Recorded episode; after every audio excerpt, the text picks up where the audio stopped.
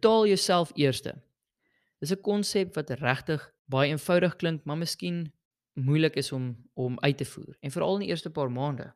Maar dit kom daarop neer dat vir elke 100 rand of 100 dollar of 100 euro of wat ook al geld eenheid jy verdien, dat jy die eerste persentasie of 'n 10% of 20% is vat of of 30 of 35 of 5 of wat ook al dit is.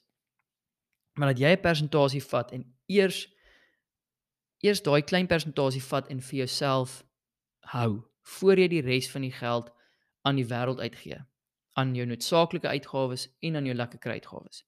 Maar dat daar 'n persentasie is wat jy vir jouself hou. En met dit bedoel ek nie waarmee jy op vakansie gaan gaan of waar waar jy mee vir jou klere koop of so in daai terme hou nie. Hierdie hou is meer jy allokeer dit vir jou finansiële toekoms. Jy gaan belê dit in 'n pensioenfonds, in 'n belastingvrye fonds, in ander beleggings. Uh, jy betaal ook jou huis vinniger af.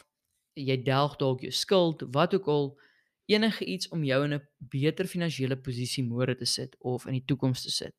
En dit is waarop betaal jouself eerste, die betaal jouself eerste konsep neerkom.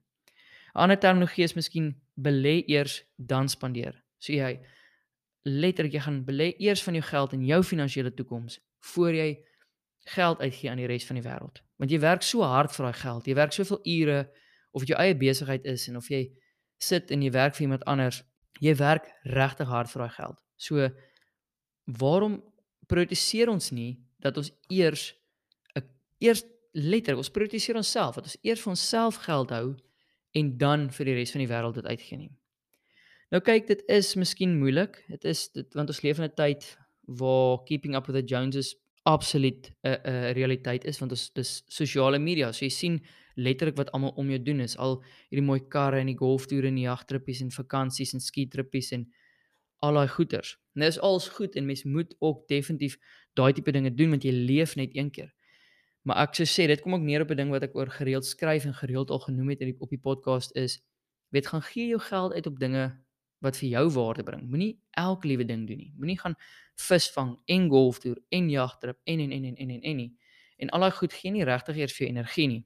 So gaan gee soveel as moontlik geld uit op die goederes wat vir jou energie gee. En jy gaan sien dat as jy nie geld uitgee op al die ander dinge ook, dat daar wel ruimte in jou budget oorbly om tog jouself eers te betaal, om tog eers vir jou finansiële toekoms te sorg voor jy alle uitgawes aangaan nie. Is die een ding.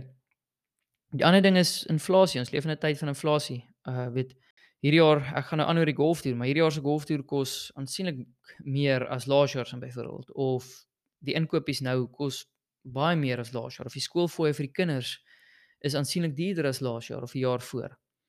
So dit maak dit ook moeilik om jouself eers te gaan eerste te gaan betaal. Maar daar's maniere om dit wel te doen. Een is absoluut net dissipline en en bietjie die die uitgawes te trim. Die ander een is om dalk 'n bietjie meer te gaan verdien en dan daai persentasie oor te dra daartoe ook. So daai persentasie wat jy gaan belê toe toe te pas op die geld wat jy wat jy ekstra verdien ook. Maar ja, voor ek net nou te ver gaan met hierdie, dit is baie eenvoudig. Dit is 'n baie baie eenvoudig, baie kort episode, maar ek dink die die die konsep is baie duidelik.